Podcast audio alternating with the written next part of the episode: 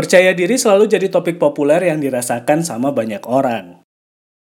Mulai dari cara berkomunikasi, menyampaikan gagasan, sampai cara berpenampilan.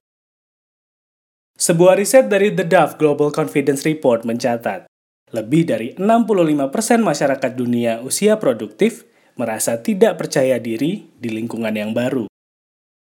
Mereka rela membatalkan wawancara kerja atau acara penting lainnya karena takut diremehkan atau dianggap tidak mampu. Saya Fendi Rahman, kali ini kita akan ngomongin tentang boosting confidence teman-teman, atau meningkatkan rasa percaya diri. Di Self Talk, makna kata podcast.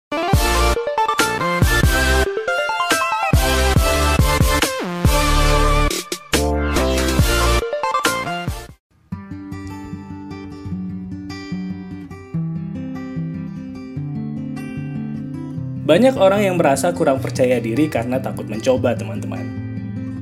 Ada juga yang kehilangan rasa percaya dirinya karena pengalaman buruk di masa lalu. Seringkali kita lupa kalau percaya diri itu sama kayak otot badan yang harus dilatih. Kadar kepercayaan diri seseorang juga berbeda-beda, tergantung seberapa konsisten kita buat mengasahnya. Hal pertama yang harus dilakukan adalah jauhkan rasa pesimis yang ada di diri kamu. Setiap manusia itu unik, teman-teman. Kita punya kelebihan dan kekurangan masing-masing yang nggak bisa disamakan kayak orang lain. Hargai diri sendiri dan yakin kalau kamu sama hebatnya kayak orang lain. Gimana orang lain bisa percaya sama kamu kalau kamu gak percaya sama diri sendiri? Bener nggak? Jadi volunteer di komunitas atau membantu orang lain sesuai kemampuan juga bisa jadi cara untuk meningkatkan rasa percaya diri. Ketika kamu bisa membantu orang lain buat selesaiin masalahnya, berarti kamu mampu dong buat cari solusi untuk diri sendiri. Jadi diri sendiri juga penting untuk meningkatkan rasa percaya diri. Mulai belajar bilang enggak kalau memang kamu nggak pengen untuk melakukannya. Dan nggak perlu pura-pura juga buat nyenengin orang lain. Tapi ingat, jadi diri sendiri bukan berarti bertindak sesukanya. Tetap ada batasan dan sopan santunnya ya.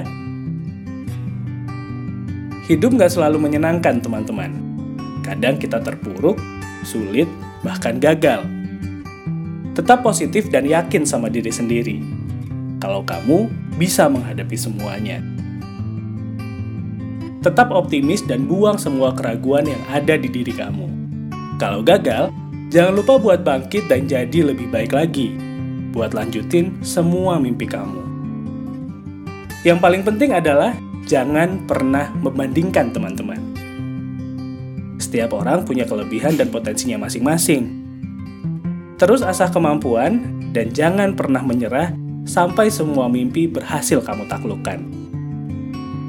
Percaya diri terbentuk bukan dengan cara instan, teman-teman semua butuh proses dan ketekunan buat mencapainya.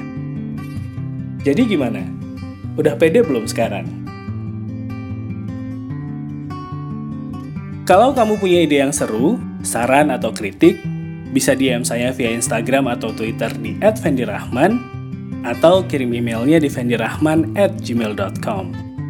Terima kasih sudah mendengarkan makna kata podcast. Saya pamit.